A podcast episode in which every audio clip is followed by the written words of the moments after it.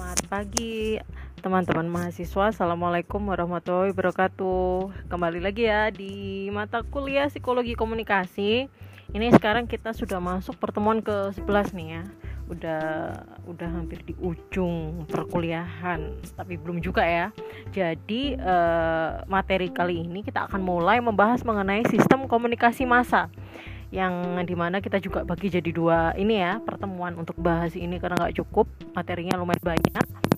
Uh, jadi sistem komunikasi masa ini jelas uh, berbeda dengan sistem komunikasi kelompok yang kemarin kita bahas. Untuk membahas sistem komunikasi kelompok aja kemarin udah cukup kompleks ya gimana kita bisa uh, memahami uh, betapa rumitnya pengaruh uh, komunikasi pada suatu kelompok itu sendiri. Apalagi ini kita bahasnya dalam skop yang lebih luas, uh, yaitu sebuah masa. Nah, uh, seperti biasa, uh, tolong dibuka slideshow-nya. Kalian bisa siapkan catatan juga. Uh, jadi kalau ada yang belum ada di apa namanya di uh, di PowerPoint kalian bisa catat ya apa contoh-contoh yang saya berikan di materi yang saya sampaikan secara verbal seperti ini. Jadi kalau menurut uh, apa namanya definisi kalau yang paling kita bisa sebut komunika komunikasi massa itu sebagai pesan ya pesan yang dikomunikasikan melalui media massa pada sejumlah besar orang. Nah bentuk dari uh, apa namanya dari komunikasi ini ah uh, komunikasi komunikasi massa ini kan uh, tentunya juga dalam bentuk yang memungkinkan untuk diakses oleh orang banyak. Misalnya seperti apa? Seperti koran ya atau surat kabar, majalah, radio, TV, bahkan mungkin internet ya mungkin kalau sekarang nanti kita akan bahas uh, dalam skup yang lain lagi untuk internet itu. Uh, jadi sekarang kita fokusnya pada jenis-jenis komunikasi uh, komunikasi lagi. Komunikasi massa seperti surat kabar majalah radio TV itu. Oke? Okay? uh, karena di sisi lain ibaratnya kalau kita uh, uh, uh, meng, apa ya kalau kita ingin mencerna efek dari komunikasi massa kita akan uh, berpikir pengaruh atau efek dari komunikasi massa ini sebenarnya sesignifikan apa sih? Apakah memang media massa komunikasi komunikasi massa yang dalam hal ini diwakili oleh media massa begitu mempunyai peran yang sangat signifikan, yang sangat perkasa sehingga bisa mempengaruhi orang-orang dalam jumlah yang banyak dalam uh, dalam satu waktu. Atau mungkin peran uh, efek dari komunikasi massa ini justru juga tidak uh, tidak sangat uh, mengena. Jadi aslinya ya nggak ngefek-ngefek amat buat orang-orang Nah, jadi sebenarnya kita itu sudah melalui ini semua ya. Kita uh, akan akan bahas nanti um, dari sejarah penelitian komunikasi massa. Kita pernah melalui masa eh, masa-masa di mana media massa itu punya uh, peran yang sangat uh, signifikan ataupun juga peran yang sangat minim. Ibaratnya sudah ada ups and downs-nya. Apa namanya? Uh, ini ya, udah apa ya? ups and downs itu bahasa Indonesianya udah dalam ini uh, apa namanya wujud peran yang itu tadi yang sudah sangat uh, perkasa sampai dari peran yang tidak ngefek sama sekali ke masyarakat kita semua pernah melalui itu semua. Nah, uh, sebenarnya kan kalau uh, sebuah pesan itu diarahkan pada kalayak yang kalayak itu masyarakat yang jumlahnya relatif besar ya itu kan juga nggak mudah untuk akhirnya kita mengukur bahwa efeknya itu signifikan nggak? Karena apa? Karena mereka masyarakat si kalayak ini juga punya uh, ini sifat yang heterogen ya sifat yang heterogen itu berarti mereka, diverse bermacam-macam. Dari uh, sudut pandang apa pun dari sudut pandang secara suku agama sampai yang satu suku pun yang satu agama pun juga bisa masih terpecah jadi fragmen-fragmen yang mempunyai perspektif yang berbeda. Jadi uh, bukan hal yang mudah ya untuk meng menyimpulkan bahwa bagaimana sih uh, signifikansi dari efek media massa ini seperti itu. Uh, sebelum kita bahas lebih lanjut mengenai efeknya, sekarang kita uh, ini dulu apa namanya uh, mm, mengetahui dasarnya dulu ya ibaratnya ternyata uh, ketika kita bahas sistem komunikasi massa ini sering kali banyak berbenturan uh, dengan yang namanya sistem komunikasi interpersonal yang sudah kita pelajari sebelumnya ya di uh, materi sebelum evaluasi tengah semester. Di situ kan uh, komunikasi interpersonal yang kita lakukan bersama uh, dua orang atau lebih itu uh, apa namanya uh, memang punya kesamaan ya. Memang punya beberapa uh, beberapa persamaan. Meskipun itu nggak persis dengan sistem komunikasi massa.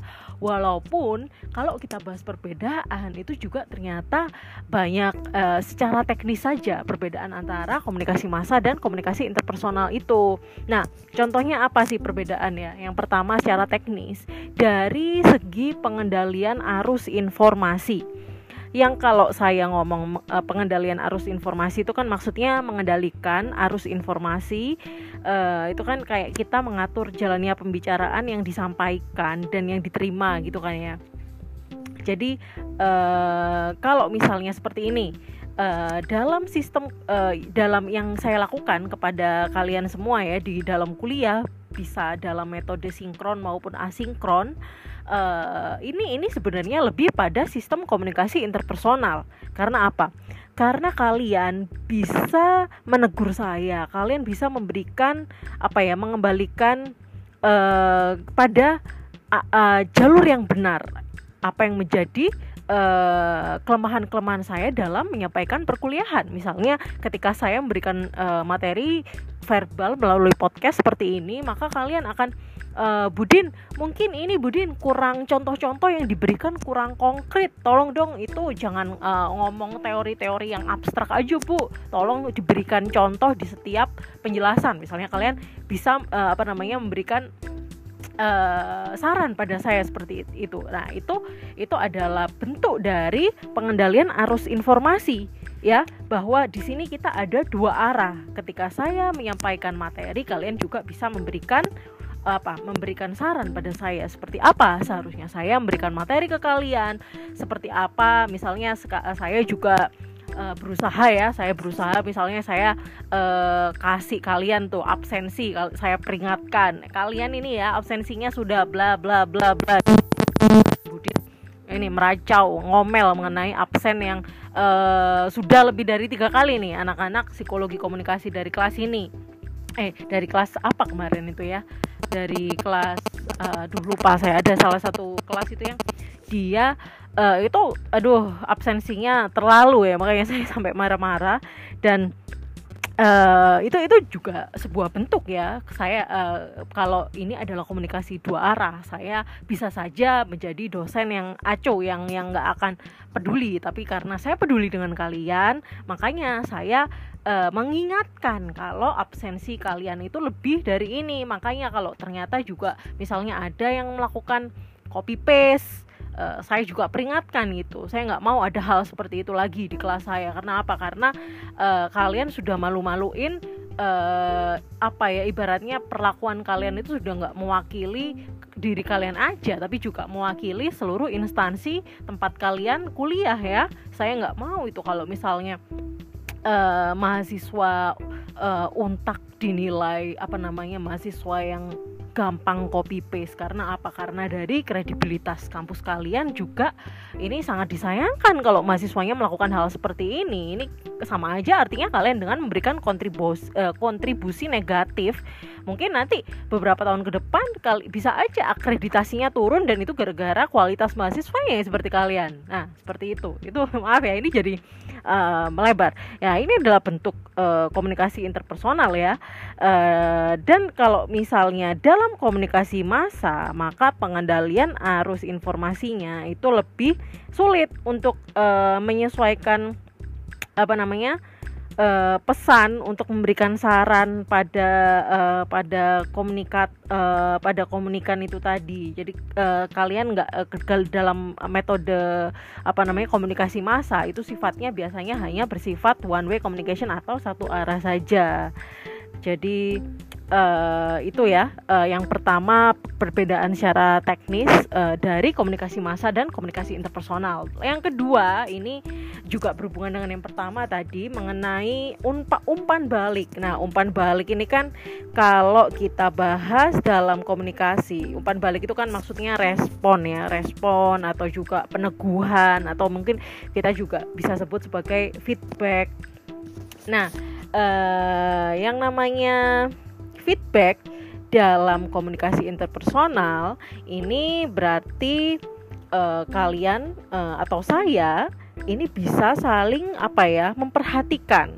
Bukan hanya lewat ucapan saja, tapi mungkin uh, bisa juga lewat respon-respon suara yang Anda berikan pada saya. Ketika saya memberikan perkuliahan ya, misalnya dalam metode uh, live conference, saya bisa melihat ada mahasiswa yang uh, apa namanya menyaksikan materi sambil ngerokok santai, duduknya sama mentereng gitu. Saya sih oke-oke aja. Nah di situ kan uh, malah saya merasa tersanjung ya, mungkin kalian uh, apa namanya ngerokok itu uh, mencoba untuk adjust dengan situasi pandemi seperti ini meskipun boring tapi kalian tetap berusaha untuk ikut kuliah saya saya nggak apa-apa nggak masalah ya uh, dan uh, itulah apa namanya umpan balik umpan balik yang bisa saya terima ketika kita melakukan komunikasi interpersonal ya uh, ini ini bisa ini adalah umpan balik bisa secara verbal atau secara nonverbal juga. Bagaimana saya bisa melihat keringitan mata Anda, gerak bibir, posisi tubuh, atau mungkin ketika saya tanya bagaimana sih intonasi suara kalian, ya, dan e, banyak sekali lambang-lambang nonverbal lainnya. Nah, itu adalah e, menjadi umpan balik yang saya terima lewat seluruh seluruh alat indera saya, ya. Itu itu itu bagaimana dalam umpan balik uh, ini ini menjadi pembeda ya antara komunikasi massa dan komunikasi interpersonal. Karena kalau komunikasi massa umpan balik itu kita bisa katakan itu hanya sebagai zero feedback atau alias uh, ketika kita melakukan uh, apa namanya uh, metode komunikasi mas komunikasi massa maka uh, komunikan ini hampir nggak mengetahui sama sekali reaksi dari orang yang uh, orang yang diberikan informasi itu. Misalnya wartawan. Wartawan yang menulis uh, wartawan surat kabar. Dia menulis uh, berita itu bagian dari sebuah metode komunikasi massa. Tapi ketika beritanya dibaca oleh pembaca dia nggak tahu reaksi pembacanya itu seperti apa. Uh, uh, mungkin uh, respon atau feedback yang diberikan umpan balik yang diberikan uh, pembaca bisa jadi mungkin si pembacanya telepon ya dia kepingin ngasih masukan atau kepingin protes ya caranya dia apa? Caranya dia ya harus mendatangi ke tempatnya untuk ketemu sama uh, sama si uh, penulisnya itu butuh waktu atau paling singkat mungkin dia bisa telepon. Nah kalau telepon pun itu uh, apa ya volumenya itu kan terbatas ya. Jadi salurannya itu jadi tunggal gitu dan itu nggak sefleksibel ketika melakukan komunikasi interpersonal. Jadi umpan balik yang terjadi dalam komunikasi massa itu lebih terbatas daripada komunikasi uh, interpersonal. Lalu yang ketiga adalah stimulasi alat indera. Nah stimulasi alat indera ini berarti uh, bergantung pada jenis media masanya Uh, kalau oh ya, ya mungkin yang pertama kita bahas komunikasi interpersonal dulu. Itu kalau bergantung apa namanya uh, jenis alat uh, ininya. Misalnya saya menerima stimulus lewat uh, lewat suara, maka artinya saya mendengar atau uh, apa namanya uh, kita bisa ibaratnya bisa mendengar, melihat, mencium, meraba, merasa itu adalah bentuk-bentuk uh, stimulus yang kita rasakan pada komunikasi interpersonal. Jadi uh, ibaratnya lebih uh, komprehensif ya, lebih banyak um, apa namanya uh, indera yang bisa kita uh, rasakan dalam bentuk komunikasi interpersonal. Tapi pada komunikasi massa itu benar-benar uh, ini bergantung pada jenis media masanya. Kalau misalnya pada surat kabar, ya berarti stimulus alat inderanya yang kita terima cuman berupa uh, ini ya mata. Jadi kita hanya membaca karena uh, apa namanya itu tadi ternyata stimulasi alat indera dalam komunikasi massa itu ternyata cenderung terbatas. Oh ya ini uh, lup, uh, dan yang keempat ya uh, ini ada empat yaitu proporsi unsur dengan unsur isi dengan hubungan. Jadi kalau ibaratnya dalam komunikasi interpersonal uh, ternyata itu unsur hubungan itu jadi yang lebih penting di situ. Uh, misalnya ya uh, ketika kita apa namanya uh, ketika kita ngomong apa namanya ngobrol ketika kita ngobrol dengan keluarga karena keluarga itu relasinya lebih ke bentar-bentar ya ini saya pastikan saya nggak salah ini contohnya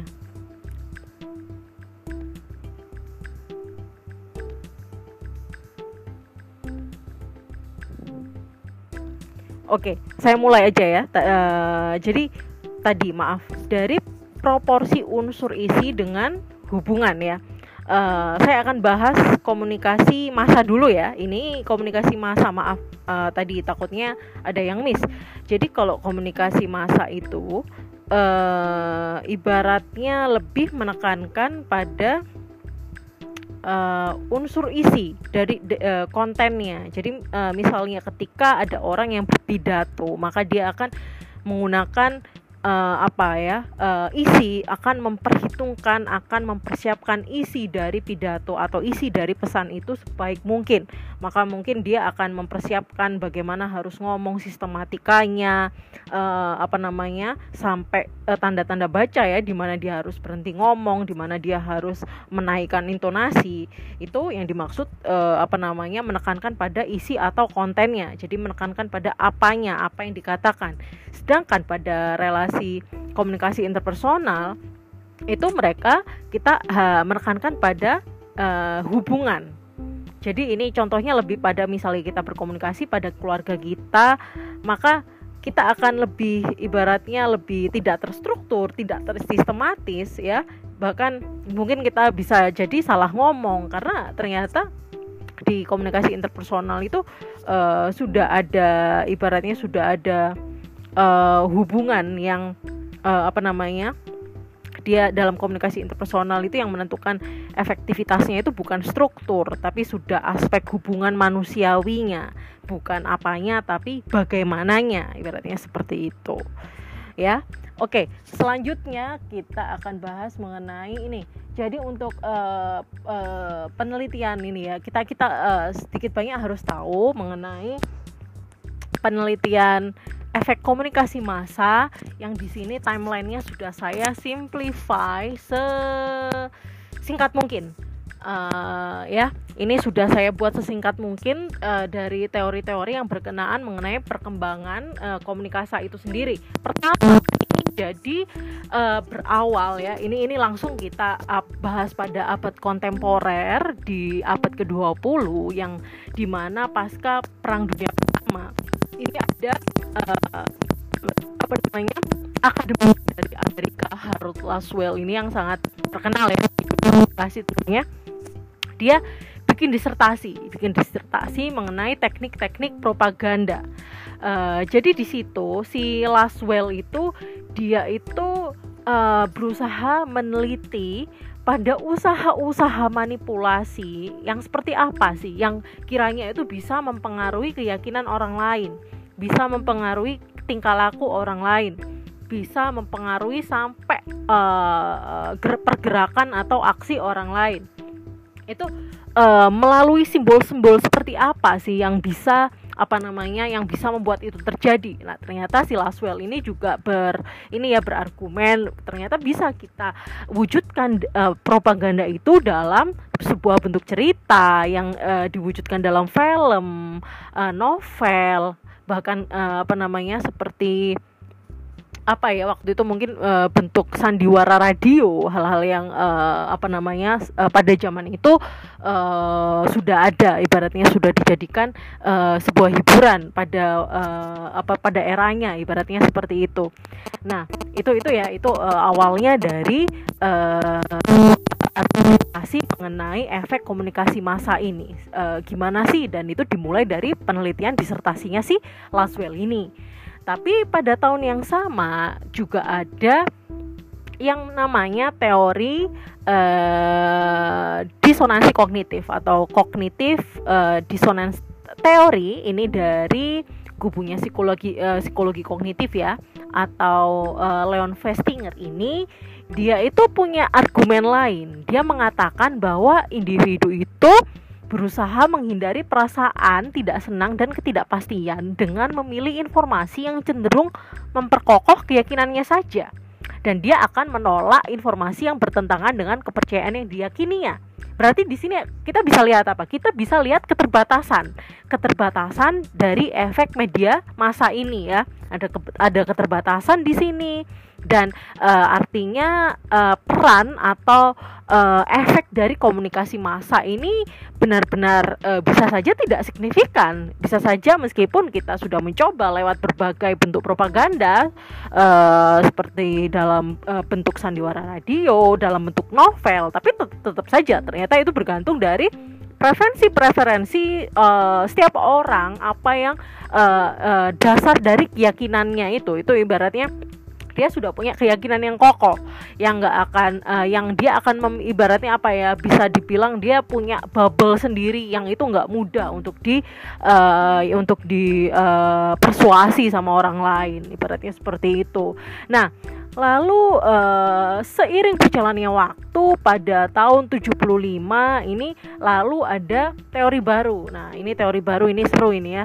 Namanya ya ini ini sangat terkenal teorinya ya kalau pasti juga pernah dengar di teori-teori komunikasi yaitu teori uh, magic bullet teori atau teori peluru atau juga disebut sebagai uh, teori model jarum hipodermis. Banyak sekali ya nama lainnya atau the concept of powerful mass media. Oh banyak sekali nama lainnya. Ibaratnya ya udah kita ambil gampangnya aja. Kita sebut sebagai teori peluru. Teori ini ini ini benar-benar uh, mengasumsikan masa itu nggak berdaya. Jadi e, masyarakat itu adalah orang yang tidak berdaya dan mereka itu ditembaki stimulus media massa.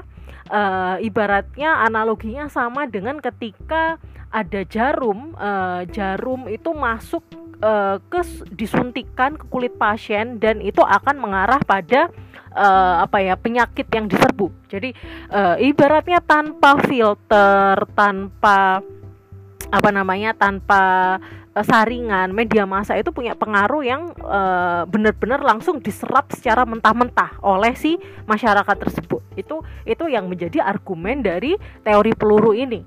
Dan berarti apa? Berarti uh, si teori peluru ini mereka punya keyakinan kalau media massa itu punya power yang sangat perkasa untuk mempengaruhi opini publik ya, untuk mempengaruhi bagaimana orang-orang membentuk persepsinya mengenai suatu hal. Nah, ini berarti si magic bullet teori ini hampir sama ya dengan teori-teori propagandanya si Laswell itu. Uh, seperti itu.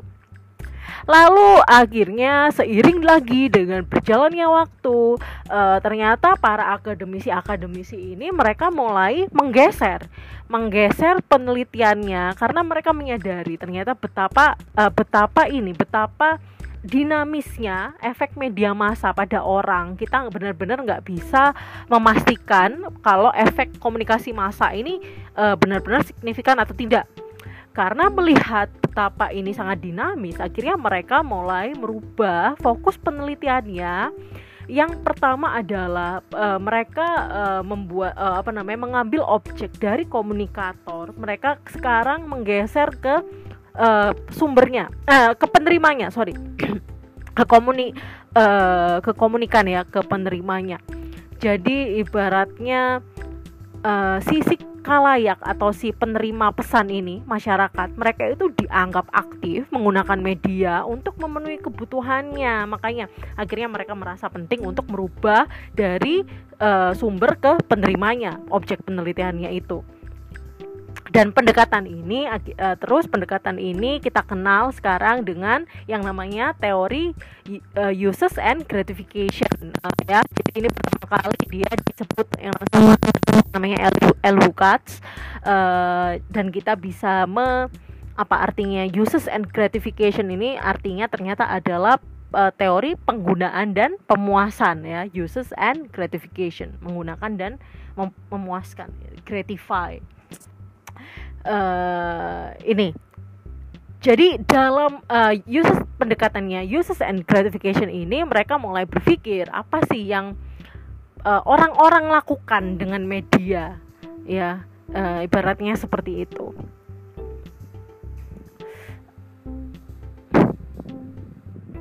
Karena apa? Karena penggunaan media tadi adalah salah satu cara untuk memperoleh pemenuhan kebutuhan dari si kalayak tersebut. Jadi uh, teori apa namanya uses and gratification pendekatan ini juga ternyata uh, dia lebih ini ya lebih memusatkan pada afeksi atau sikap dan pendapat dari kalayak tersebut terhadap media. Uh, lalu tidak berselang lama teori ini di uh, ini dilengkapi ibaratnya diperbarui sama yang namanya agenda setting teori.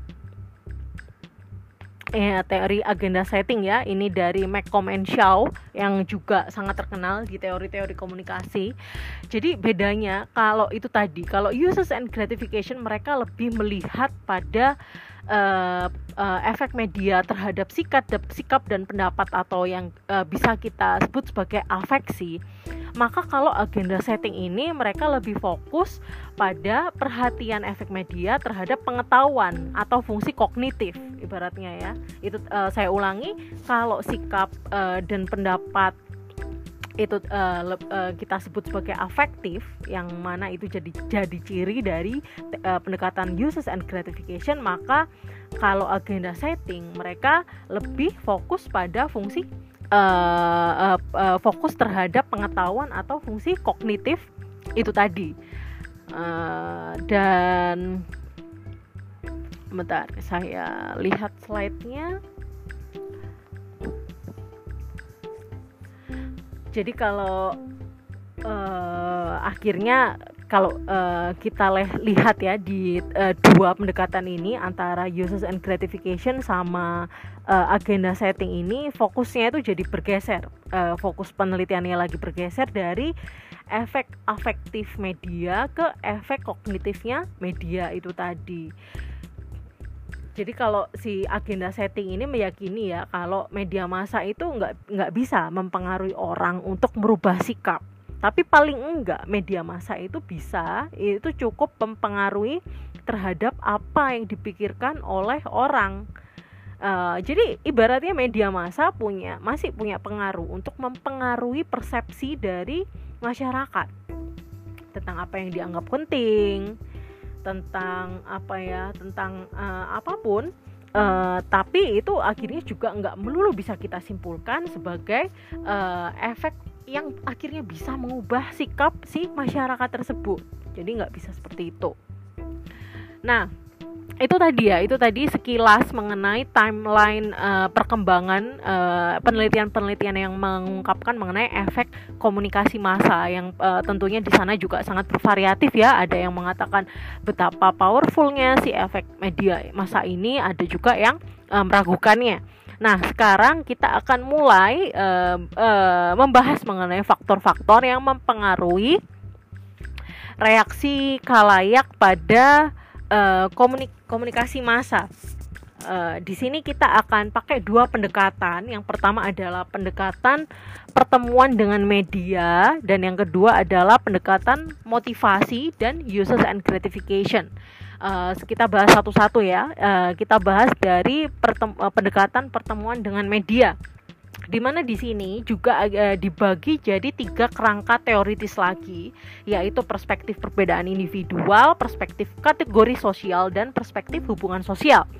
Yang pertama, dalam perspektif perbedaan individual ini kita cenderung uh, memandang kalau sikap dan organisasi uh, personal apa namanya uh, individu itu akan menentukan bagaimana individu memilih stimulus dari lingkungannya dan bagaimana ia memberi makna pada stimulus tersebut. Ini aslinya agak sama ya sama kerangka behaviorisme dalam uh, ini ya pengantar kuliah apa namanya psikologi komunikasi di awal-awal kalian mungkin masih ingat kalau saya punya beberapa teori uh, dan salah satunya adalah behaviorisme di mana tindakan kita itu di lingkungan dan pengalaman individu.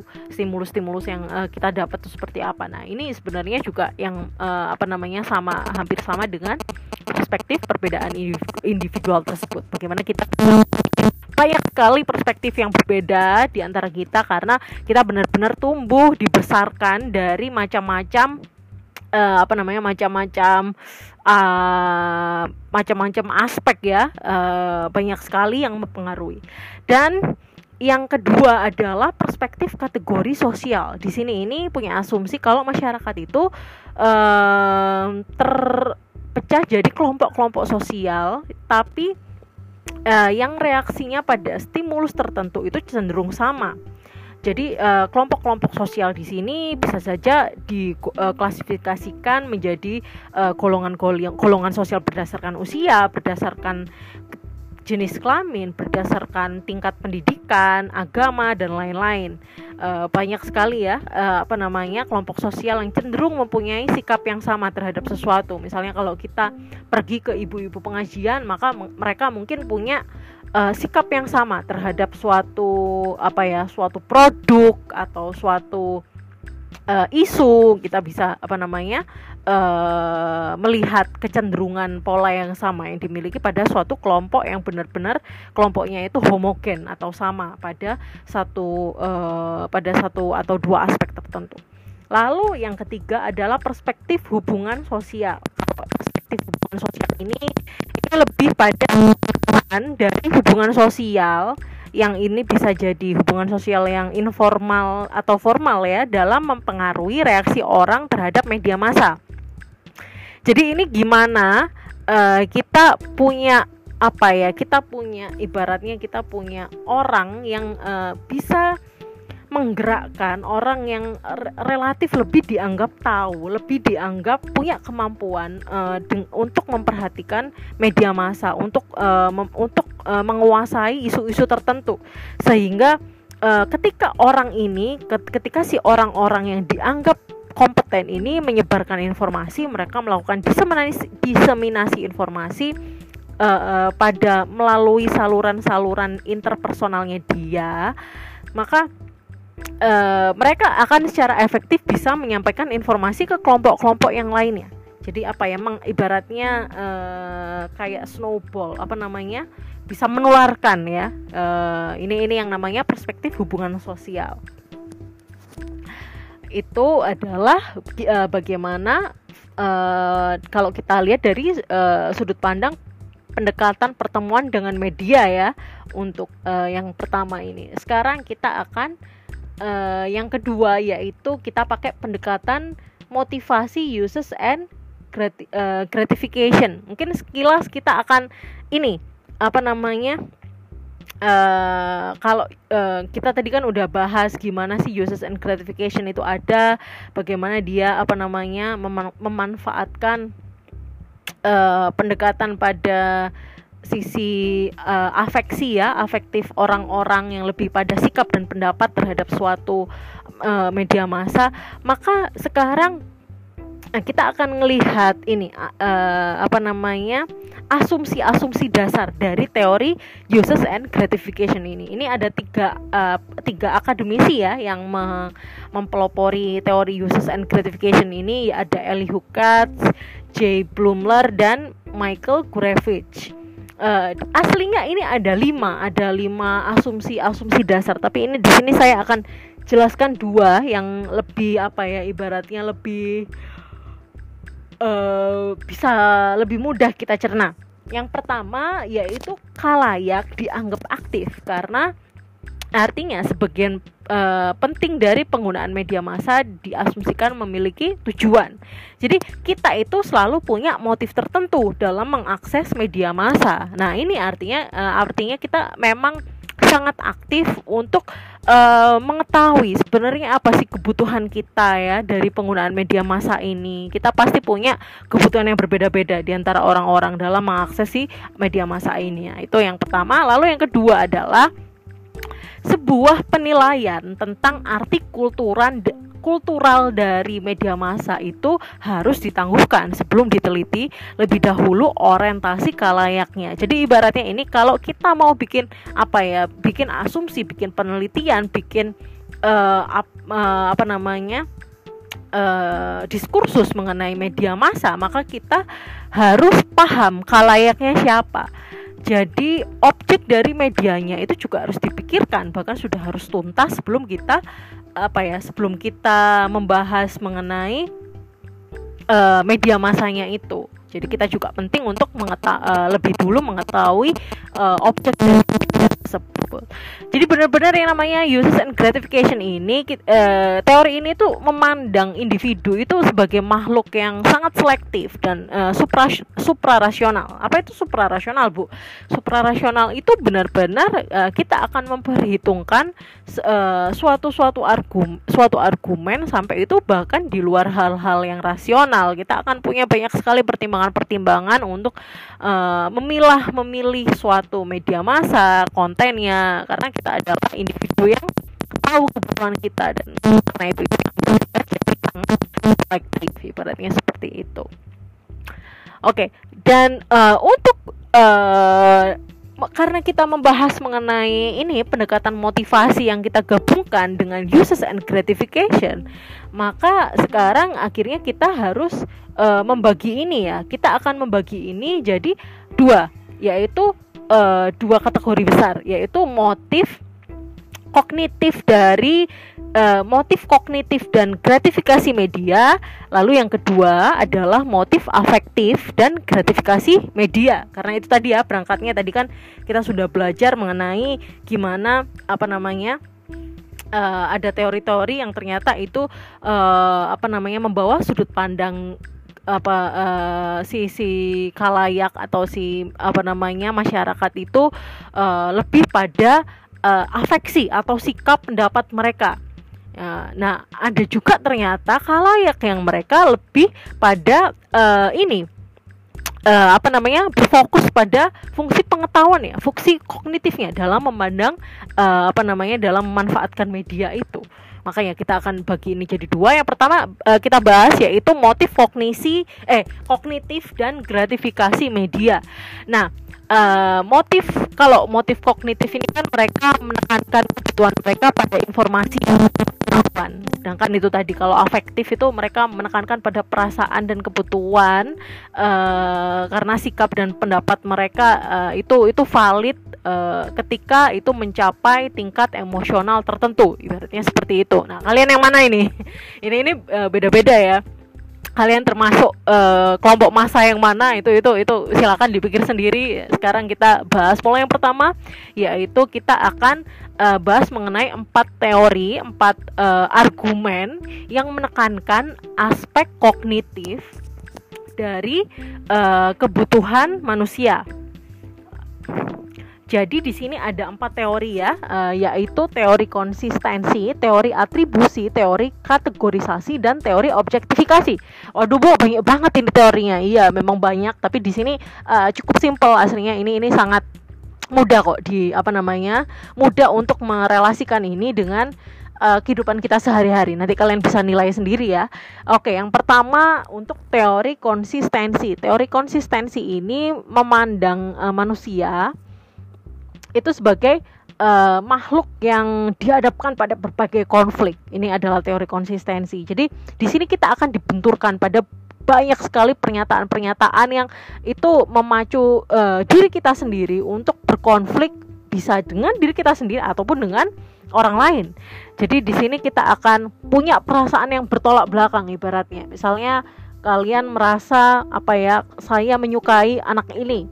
Tapi kalian di uh, pada waktu yang sama kalian juga punya apa namanya perasaan untuk oh tapi kayaknya dia juga suka sama saya. Ibaratnya di situ kalian berusaha mencari kompromi. Kompromi yang kalian peroleh dengan rasionalisasi rasionalisasi yang sebisa mungkin itu memang objektif. Walaupun sebagai manusia kita pasti punya porsi subjektivitas ya meskipun itu berapa persen.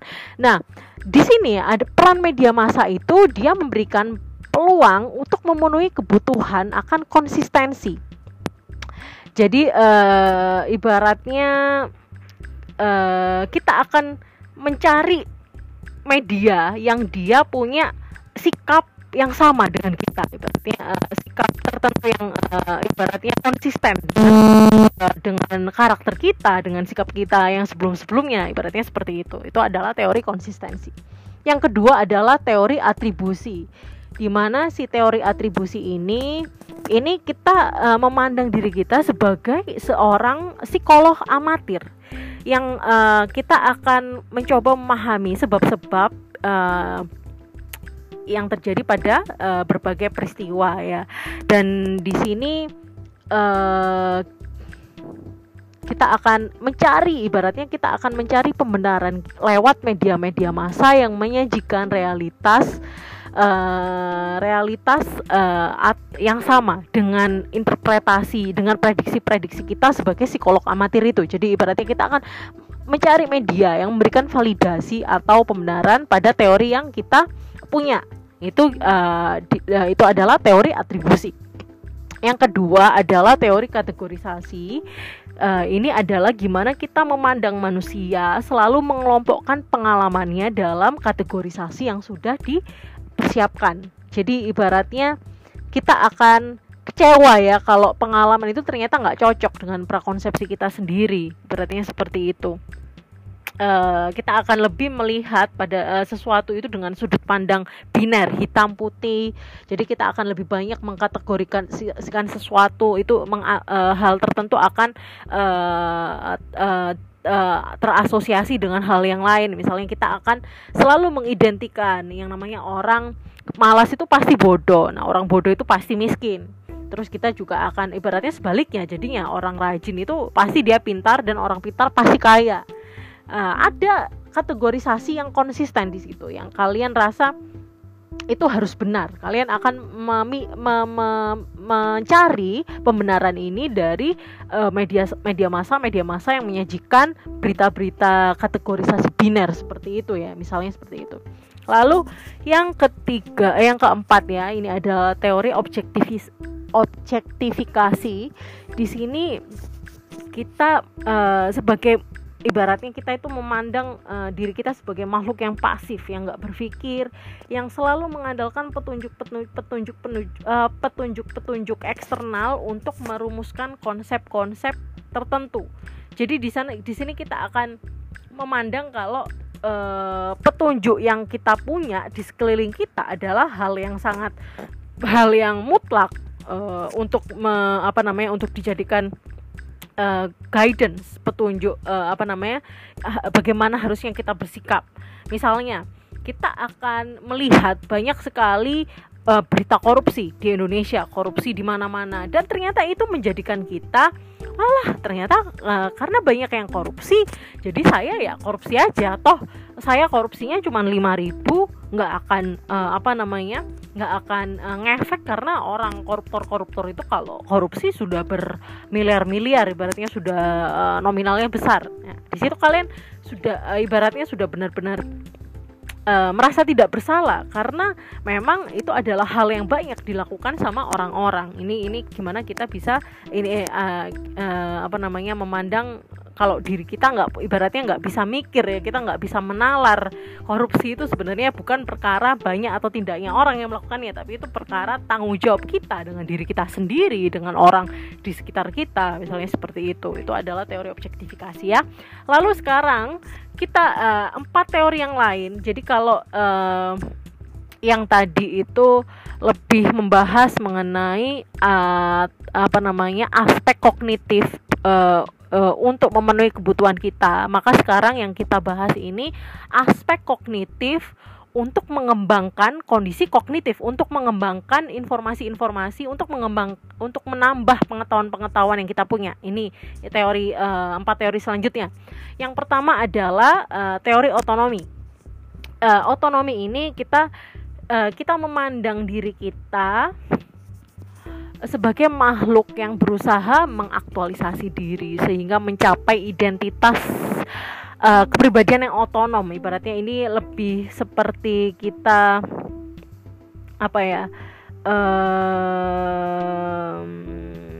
kita ibaratnya gimana kepribadian kita itu bisa berkembang melewati beberapa tahap sampai kita benar-benar uh, memiliki atau menemukan makna hidup yang benar-benar sesuai dengan dengan uh, visi kita, dengan idealisme kita. Seperti itu. Uh, misalnya kita akan cenderung mencari role model role model tertentu ya uh, bisa jadi itu pahlawan-pahlawan dalam cerita atau novel. Nah, di situ akan menjadi acuan bagi kita untuk mengembangkan kepribadian kita sampai pada ekspektasi yang ditentukan sesuai dengan misalnya sesuai dengan role model tersebut. Yang kedua adalah teori stimulasi. Ini adalah uh, memandang manusia sebagai makhluk yang lapar stimulus. Jadi kita benar-benar cari pengalaman yang baru, yang memperkaya uh, pikiran kita. Jadi uh, ibaratnya kalau teori stimulasi ini nggak hanya kita uh, kita akan mendapatkan ini dari media massa yang banyak sekali ya, nggak hanya televisi, film, uh, radio bahkan mungkin yang paling kalau uh, media yang medium yang paling dalam untuk uh, menstimulus apa namanya pengalaman uh, pemikiran kita itu lebih pada buku ya gimana buku itu uh, bisa menyajikan pengalaman buatan yang mungkin sangat uh, yang sangat ini yang sangat uh, tak terbatas. Di situ meskipun kita nggak akan pergi ke pergi ke apa namanya masa lalu atau kita nggak pergi ke suatu negara tertentu tapi kita bisa benar-benar membaca deskripsi dan membayangkan sesuai dengan imajinasi kita sendiri-sendiri gimana sih pengalaman di tempat tersebut di tahun tersebut melalui sebuah cerita dalam buku. Makanya ibaratnya kalau ada yang bilang buku itu jendela dunia itu benar ya kita benar-benar kalau sudah tahu caranya kalau kita benar-benar paham betapa uh, betapa nikmatnya pengetahuan lewat buku itu kita benar-benar sudah ini sudah unlimited melihat sesuatu itu sudah dalam perspektif yang sangat ber, uh, apa ya ibaratnya yang yang dipengaruhi oleh bacaan-bacaan yang kita punya seperti itu. Oke, lalu ketiga adalah teori te, tele teleologis tele, uh, teleologis ini memandang manusia sebagai makhluk yang berusaha mencocokkan persepsinya tentang situasi sekarang dengan representasi internal dari kondisi yang dikehendaki. Jadi ibaratnya di sini uh, kita ini benar-benar uh, ini tadi kita lebih pada melihat uh, mencocokkan persepsi, kita lebih pada uh, terjebak dalam pemikiran-pemikiran yang uh, punya asosiasi pada hal tertentu ya. Seperti tadi yang saya contohkan di apa tadi ya di teori uh, kategorisasi bahwa kita memandang kita punya sudut pandang biner atau hitam dan putih baik dan benar salah dan uh, apa namanya apa ya baik dan benar jahat dan baik. Kita benar-benar mengkotak-kotakkan pada uh, dua macam kategorisasi saja. Ini hampir sama dengan teleologis karena di sini kita akan punya uh, punya uh, kita harus ternyata kita harus memuaskan uh, kebutuhan internal representasi internal kita yang kita selalu mencocokkan persepsi uh, tentang situasi. Itu uh, persepsi tentang situasi itu dengan kondisi tertentu ya. Seperti tadi misalnya orang yang baik itu akan selalu mujur orang yang jahat itu akan selalu sengsara misalnya seperti itu itu gimana? Dari teori teleologis itu tersebut. Lalu yang ketiga adalah teori utilitarian utilitarian ya. Ini kalau dibaca bahasa Inggris jadinya utilitarian. Teori utilitarian ini memandang individu ini sebagai apa ya orang yang memperlakukan setiap situasi sebagai peluang untuk memperoleh informasi yang berguna atau keterampilan baru. Wah, ini asik ini karena benar-benar uh, ternyata komunikasi massa meskipun bentuknya itu satu arah tapi dia juga memuat banyak informasi yang bisa kita gunakan untuk me meningkatkan keterampilan kita misalnya apa misalnya kalau uh, kita punya majalah yang isinya resep-resep yang paling gampang ya resep resep-resep itu bisa dipraktekkan. Nah, di situ bisa menjadi ajang keterampilan kita memasak jadinya seperti itu. Atau misalnya ada tutorial-tutorial yang diberikan suatu majalah bagaimana menjahit, bagaimana me bagaimana uh, apa pun teori-teori apa lalu kita coba di situ. Nah, itu artinya sama aja bagaimana uh, apa namanya fungsi uh, kita lebih pada teori utilitarian ini ya memanfaatkan komunikasi massa untuk meningkatkan keterampilan kita. Nah itu adalah uh, kalau kita bahas motif kognitif dan gratifikasi media ya itu itu lebih pada fungsi pengetahuannya. Sekarang di slide yang ke-11 ini kita akan bahas pada mod model afektif dan gratifikasi media ya. Jadi kita akan lebih bahas pada afektifnya model afektif uh, atau uh, pada bagaimana sikap dan uh, perasaan kita. Untuk uh, yang pertama kita bahas ini dari motif-motif untuk memelihara stabilitas psikologi ya, karena ini lebih pada uh, bagaimana sikap dan perasaan kita dalam memandang suatu media. Maka yang pertama ini ada empat teori di sini. Uh, yaitu teori reduksi tegangan ini memandang manusia sebagai sistem tegangan yang memperoleh kepuasan dan pengurangan uh, te ketegangan. Ini contohnya misalnya kita bagaimana komunikasi massa itu menyalurkan ini punya bagian uh, menyalur menyalurkan kecenderungan destruktif manusia dengan menyajikan peristiwa atau adegan-adegan kekerasan. Ternyata kalau uh, disinyalir itu film kekerasan atau film horor itu bisa jadi loh kayak uh, bermanfaat membantu kita itu melepaskan kecenderungan agresif kita uh, kan manusia punya sisi agresif dan uh, lewat medium film-film action atau film-film horor itu kita bisa melepaskan uh, apa namanya ibaratnya sisi liar dari seseorang tersebut ya. Itu adalah uh, maksud dari reduksi uh, teori reduksi tegangan ini. Lalu yang kedua adalah teori ekspresif. Di sini kita uh, gimana orang itu memperoleh kepuasan dalam mengungkapkan eksistensi dirinya. Ibaratnya mereka ingin apa ya berfantasi melalui identifikasi dengan tokoh-tokoh yang disajikan oleh suatu cerita, suatu apa sinetron, novel. Dan uh, uh, di sini banyak sekali ya uh, apa namanya medium yang bisa bisa nggak hanya itu bisa juga dalam wujud acara kuis televisi misalnya. Nah itu bagaimana kita bisa mengep, uh, uh, ekspre, mengekspresikan apa namanya kepuasan kita melalui medium-medium tersebut. Lalu yang ketiga adalah teori ego defensif ini uh, kita benar-benar ini ya bagaimana kita melihat diri kita punya citra diri tertentu dan berusaha mempertahankan citra diri kita ini uh, uh, ini ini lebih pada teo ya, lebih pada bagaimana kita punya mekanisme pertahanan ego ya. Kita punya uh, apa namanya self uh, apa itu menyebutnya? Biasanya saya lupa ya.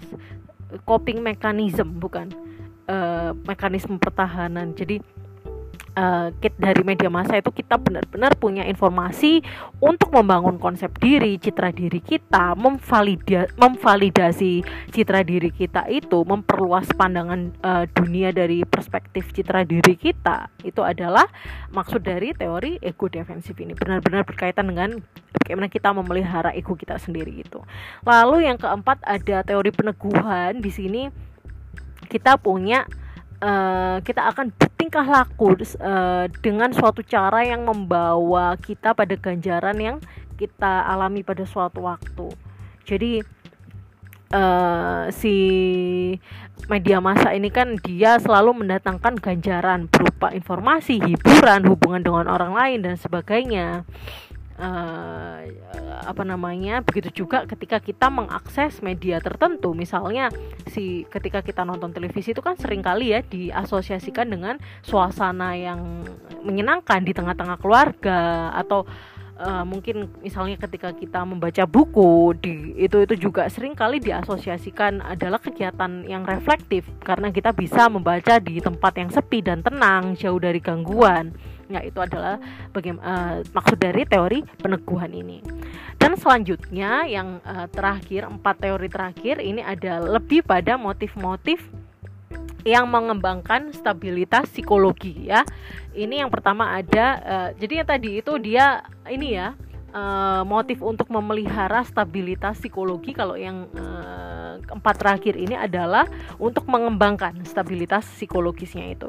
Yang pertama adalah teori penonjolan, bagaimana kita memandang manusia sebagai makhluk yang selalu mengembangkan seluruh potensinya untuk memperoleh penghargaan diri. Ibaratnya kita apa ya kalian mungkin kalau ingat ada yang istilah yang namanya homo homini lupus.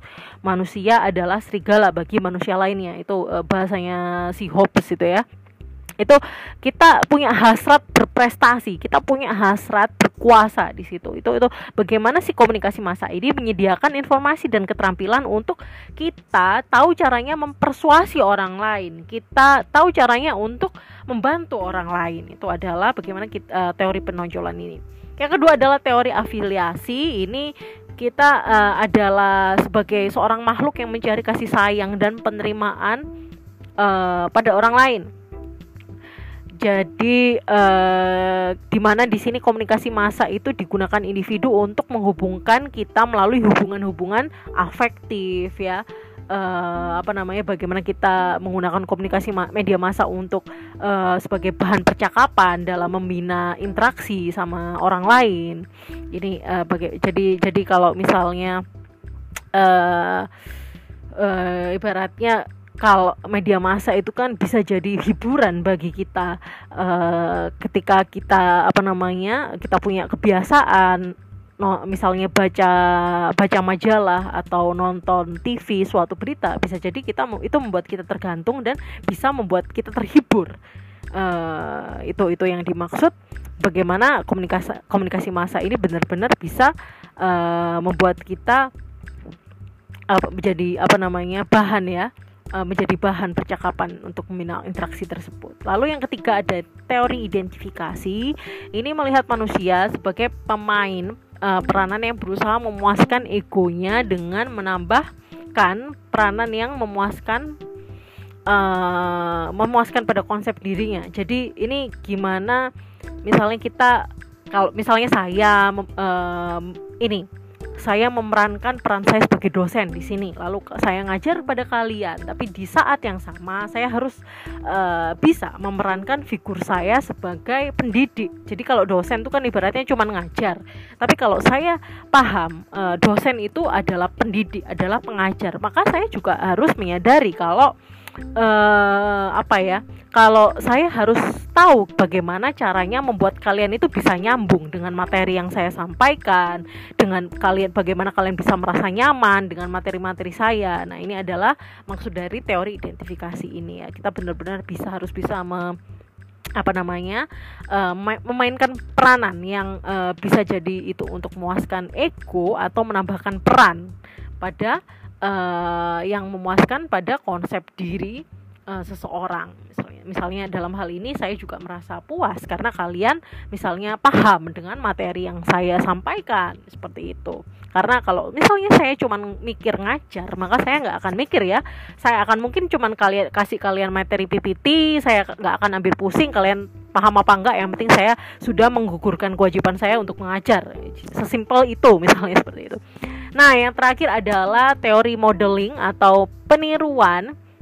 Ini uh, gimana manusia itu memandang makhluk uh, apa namanya sebagai makhluk yang selalu mengembangkan kemampuan afektifnya ibaratnya melalui medium-medium seperti uh, eh, TV, seperti uh, apa di YouTube kita bisa meniru, perilaku orang yang kita kagumi. Makanya ini uh, menjelaskan ya gimana media massa itu sangat berperan untuk apa? Untuk menyebarkan tren-tren uh, berpakaian, berbicara, bahasa-bahasa slang atau perilaku-perilaku yang lainnya. Nah, itu adalah uh, si si teori peniruan itu. Dan ini yang terakhir ya.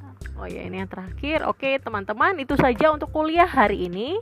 Uh, terima kasih. Selamat pagi. Wassalamualaikum warahmatullahi wabarakatuh.